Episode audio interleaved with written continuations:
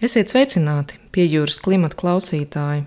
Kā katru pavasari, arī šogad Latvijas Kultūras Akadēmijas Nacionālās filmskolas studenti gatavojas saspringtajam pavasara filmēšanu cēlienam. Īpaši aktīvi šoreiz ir bijuši 16 pirmā kursa studenti, kas veidos septiņas dažādu žanru īsmetrāžu spēļu filmas. Tām arī pievērsīsimies šīs dienas raidījumā. Topošo filmu dara kopprojekts projekta bankā izsaucis liela interese, un tas arī saprotams.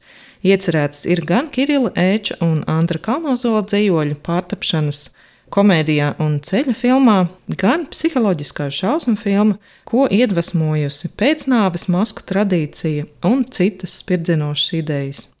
Lūk, neliels ieskats filmu aprakstos.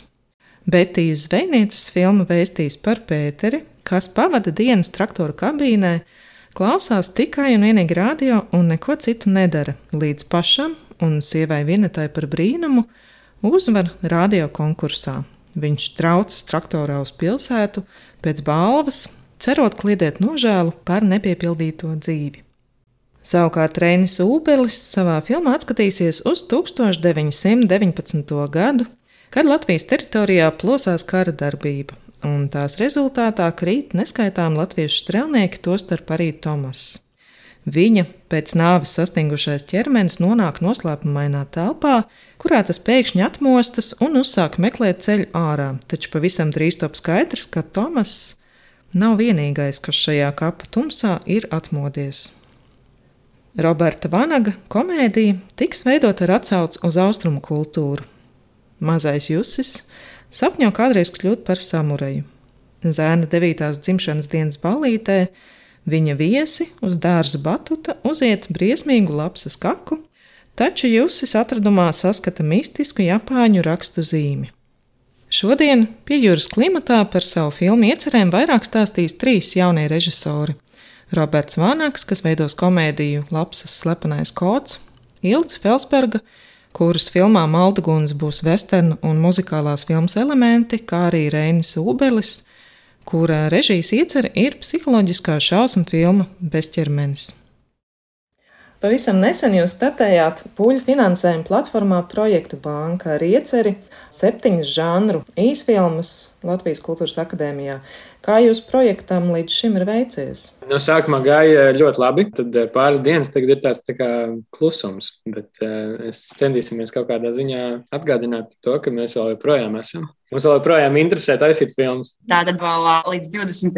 aprīlim ir iespēja atbalstīt mūsu projektus Projektu bankā. Tās ir septiņas filmas. Es katrs no šīm filmām stāv vismaz četri cītīgi un ļoti apņēmīgi filmu studenti. Un uh, esam iesaistījuši atslēgas pozīcijās arī profesionāļus no filmu industrijas, kas palīdzēs mums mums nodrošinātā projekta tehniskās kvalitātes Es domāju, ka tas ir brīnišķīga iespēja gan palīdzēt piepildīt mums savus sapņus, gan arī redzēt kaut kādas pilnīgi nebijušas lietas Latvijas kino ainavā, jo man liekas, ka tieši studiju laiks ir brīdis, kad filmas var taisīt visbrīvāk. Un reizē tā ir iespēja arī tik pie vērtīgām pateicības balvām, piemēram, piedzīvot šo sajūtu, kad jāgaida filmas beigas, jo tu zini, ka titros būs tavs vārds, vai arī ir iespēja tikt uz kādu no īpašajiem filmu seansiem, kas visticamāk būs vasarā. Un arī ir iespēja kļūt par varoni vai no manā filmā, kas ir westerns vai arī rodmūvijā, un tā arī, man liekas, brīnišķīga iespēja, ko vajag izmantot. Un kā jūs katrs izvēlējāties žanru savai filmai? Jūs saprotat, ka tas ir mācību uzdevums dažādu žanru īsfilmas. Man šķiet, ka katrs žanrs, katra šī filma ir ļoti dabiski izaugusi no katra režisora interesēm. Tas nav kaut kas, kas iet no augšas kā mākslīgi izdomāts, bet vienkārši attīstam kaut kādas savas specifiskās lietas, kas mums interesē. No manas puses bija tā, ka es uh, sāku darbu pie psiholoģiskā trillera, bet visu to es uzrakstīju, beigās izrādījās šausmu filmu, un tad es pārkvalificējos uz psiholoģisko šausmu filmu. Man liekas, vienmēr ir fascinējuši vesterni. Man tas vienmēr likties viens no visabsurdākajiem, bet man, man ļoti gribējās kaut kādu laiku taisīt kaut ko šajā virzienā. Un, uh, šī bija lieliska iespēja šo filmu beidzot uzņemt. Ilze, tu veidosi komēdiju ar vesternu un muzikālās filmas elementiem. Kas ir Maldugunas varoņi un kas viņus sagaida? Jā, Tātad Maldaguns iesāksies ar to, ka kāda grupa ieradīsies noslēpumainā lauku krogū, nospēlēs koncertu, un viens no šīs grupas dalībniekiem izdomās nepievienoties pārējiem. Un tālākā filma stāstīs par viņa piedzīvojumiem šajā mazliet noslēpumainajā, nežēlīgajā pasaulē. Tās filmas aprakstā es lasu, ka Maldaguns būs viens no pirmajiem kinodarbiem, kas Latvijas ainavās un varoņos izcels klasiskākā no kinožanriem - westerna potenciālu. Kuras no latviešu filmām tu redz kā westerna žanram piederīgas? Mēs visi ļoti gaidām Matīnas Kažas filmu, kas, man liekas, arī drīz kaut kad iznāks. Tas, protams, būs filmas darbs, bet es domāju, ka viņš arī pieskārsies pilnīgi citai vesternu vēstures daļai. Un man liekas, ka Martai Martinsonē pirms diviem gadiem tā varbūt bija vairāk tāda kā country filma, bet man liekas, arī ļoti spēcīgs darbs un ļoti asprātīgs. Tās tādas divas, kas man nāk prātā. Tev pašai, kur ir tavi tie vesterni, kas ir tavi iedvesmas avoti? Kurš vēsturiskais periods varbūt?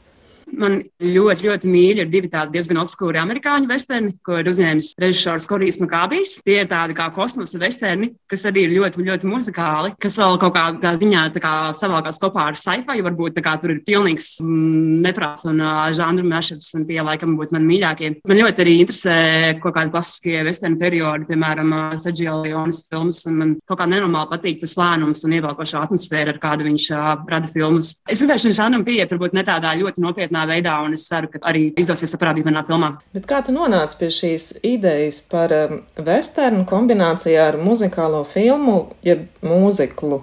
Vai tie ir žanri, jā, kas tevi abi īpaši interesē arī ārpus šī uzdevuma? Jā, nu, patiesībā iedvesmas avots šai filmai bija viena mana drauga stāsts. Mans draugs arī parādīsies filmā kā viens no aktieriem par to, kā viņš kādu laiku koncertēja Madonas rajonā starp diviem nomaļiem miestiņiem. Tā visa tā pasaule, ko es iztēlojos tur priekšā, man likās ārkārtīgi interesanti un man gribējās arī kaut ko no tā ielikt šajā filmā. Robert, tu esi iecerējis veidot komēdiju, Kirila Eča dzējoļa adaptāciju. Kas ir Lapsas slepenais kods? Lapsa pati filmā iespējams eh, parādīsies tikai pāris sekundes, bet viņi konstanti ir klātesoši. Labs slavenais kods ir uh, Japāņu rakstu zīme, ko filmas galvenais varonis Jusis saskata Latvijas kakā, kas ir atstāta uz batuta. Un uh, Juša pasaule sastāv no pasakainiem tēliem, un viņš pats ārkārtīgi vēlas kļūt par samuraju un ir liels Japāņu kultūras fans. Un šajā gadījumā, jā, tas ir tāds it kā vietējā puikas sapnis par Japānu un mēģinājumu tikt pie kaut kādas jēgas šajā dzīvē. Projektu bankas pieteikuma video tu kā ierosmes filmai mīni Akiru Kurosavu, Jasu Dziru Ozu, Vēsu Andersonu un Taiku vai Titī. Kā šo visai dažādo režisoru kino estētika satiksies tavā filmā? Jā, nu, Japāņu influences droši vien šajā gadījumā man aizrauja vienkārši ar to, cik interesanta ir viņu kultūra, cik atšķirīga un kaut kādā ziņā maz redzēta vietējā atveidojumā. Ņemot vērā teiksim, to, cik uh, drosmīgi savas arī nosacīt komēdijas stilizē Vesis Andersons, tad likās, ka tas varētu būt veids, kā mēģināt piespēlēt arī vietējiem puikam šīs austrumu kaut kādas uh, iezīmes. Tas ir tāds krāšņu buķeti, kas kaut kur tur mēģinās savīties kopā. Komēdija un bērni šī varētu būt visizaicinošākā kombinācija mazpieredzējušam režisoram. Kā tu nonāci pie domas par bērnu bāriņu filmēšanas laukumā, un vai draudzīgie kino industrijas profesionāļu brīdinājumi par darbu ar bērniem tevi nebiedē? Man laikam nebiedēja brīdinājumi par bērniem, jo bērni man vienmēr ir patikuši. Protams, ka ar viņiem būs jāstrādā savādāk nekā ar pieaugušiem profesionāļiem vai neprofesionāļiem. Bet um, mēs ceram, nu, tā, pielāgoties uz bērnu pašu kaut kādu dabīgo spēju būt viņiem pašiem, nevis tēlot vai atveidot kaut kādu konkrētu varoni. Un šajā gadījumā bieži vien bērniem tas sanāk daudz labāk nekā jau pieaugušajiem. Un uh, es ceru, ka mums sanāks atrast pietiekami drosmīgus. Vispār jaunieši mūsdienās ir ārkārtīgi drosmīgi un ir apraduši ar, ar kameru klātbūtni. Es domāju, ka tas iznāks diezgan ok. Nu, te jau redzēsim. Bet ļaut bērniem būt tādiem, kādi viņi ir, tas nozīmē, ka arī kaut kādi improvizācijas momenti, ja viņiem tomēr ir scenārijs. Scenārijs ir, un scenārijs ir diezgan strikts. Filmē ir iecerēta diezgan augsta stilizācijas pakāpe. Un šajā gadījumā tur ir tas variējamais moments, cik daudz viņi paši tajā jutīsies ērti vai neērti. To mēs redzēsim uz mēģinājumos, jā, un uz filmēšanas laukumu. Reini, tu startēsi psiholoģiskā šausmu kino lauciņā ar filmu Bezķermenis. Kāds ir tavas filmas stāsts? Manas filmas darbība norisinās 1919. gadā, Pirmā pasaules kara beigās. Viens no tiem strēlniekiem ir mans filmas galvenais varonis Tomas, kurš pēc nāves atmostās kādā tumšā telpā. Un viņa galva pilnībā klāja ģipsis. Vēl nāves aspekts, tas izspēlējas caur veļamāti, Ir arī trešais varonis Marks, kurš ir tēlnieks, kuram ir uzdots iemūžināt kritušos strēlniekus. Un šo trīs būtņu ceļi krustojās. Starp uh, saviem iedvesmas avotiem filmai tu esi minējis visai gotiskas prakses, tātad pēcnāvas fotografijas un pēcnāvas maskas. Uh, pēdējās minot, kā raksturīgāks Latvijai, pastāst vairāk par šo savu izpēti. Jā, es trīs gadus atpakaļ vēlējos taisīt filmu par cilvēku, kurš iemūžīja mirušus bērnus, jo tā bija tāda praksa Rietumē, Eiropā. Jo tas sanāca lētāk nekā gleznas. Man šī ideja pārcēlās arī uz šo laiku, un es gribēju atkal to pacelt gaisā, bet tad es sapratu, ka priekš Latvijas pēcnāvas fotografijas nebija tik aktuāls un nebija tik izplatīta praksa, cik bija pēcnāvas maskas. Un šīs pēcnāvas maskas man ļoti interesēja. Es sāku vairāk par viņām lasīt, papētīt, kā viņas tika veidotas. Tas ir interesanti, cik ļoti viņas atšķirās no mūsdienu prakses, tā tiek taisīts nāves maskas vēl mūsdienās. Jā, un es saskatīju tur potenciāli diezgan lielam konfliktam tajā ziņā, ja, kas notiktu, ja kāds tam šī maska ir uzlikta kā mirušam, pamostos zem viņas. Un tie, kas to ir uzlikuši, nezinātu, ka viņš ir pamodies zem šīs maskas. Bet eh, šī konkrētība 1919. gads strēlnieki Kādēļ tieši šis vēsturiskais periods un tieši šeit, Latvijā?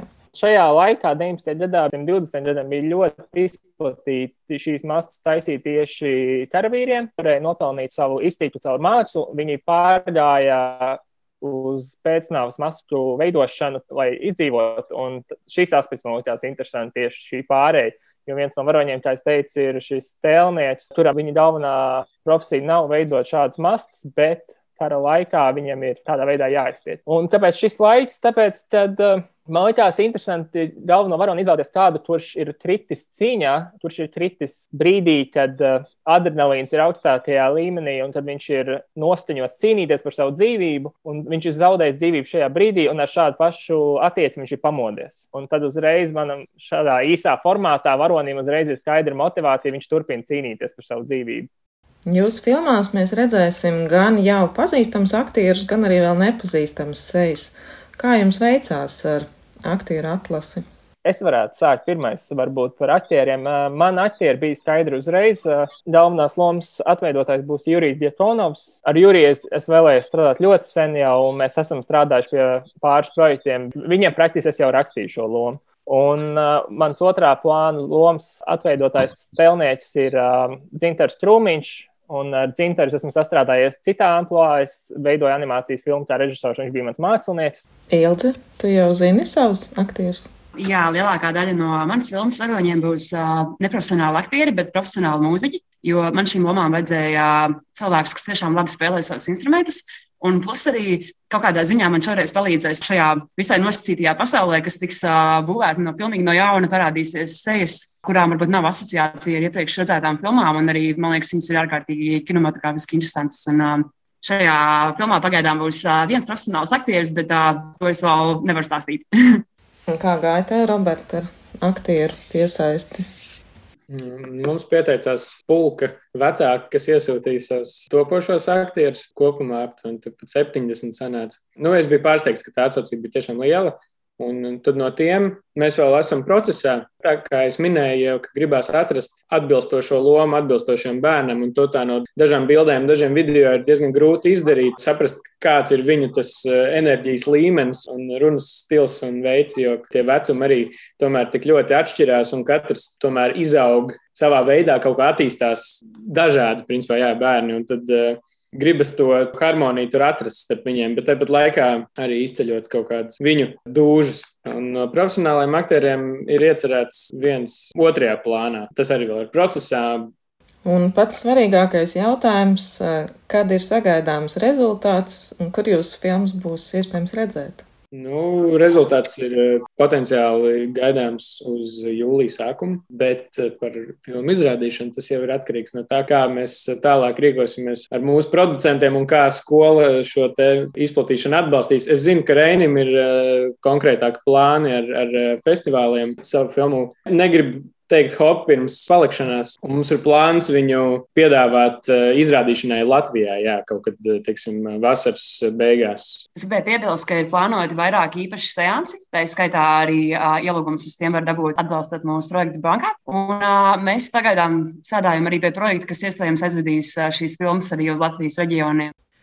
Nu pat mēs dzirdējām sarunu ar Ilci Felsbergu, Reini Ubeli un Robertu Vanagu.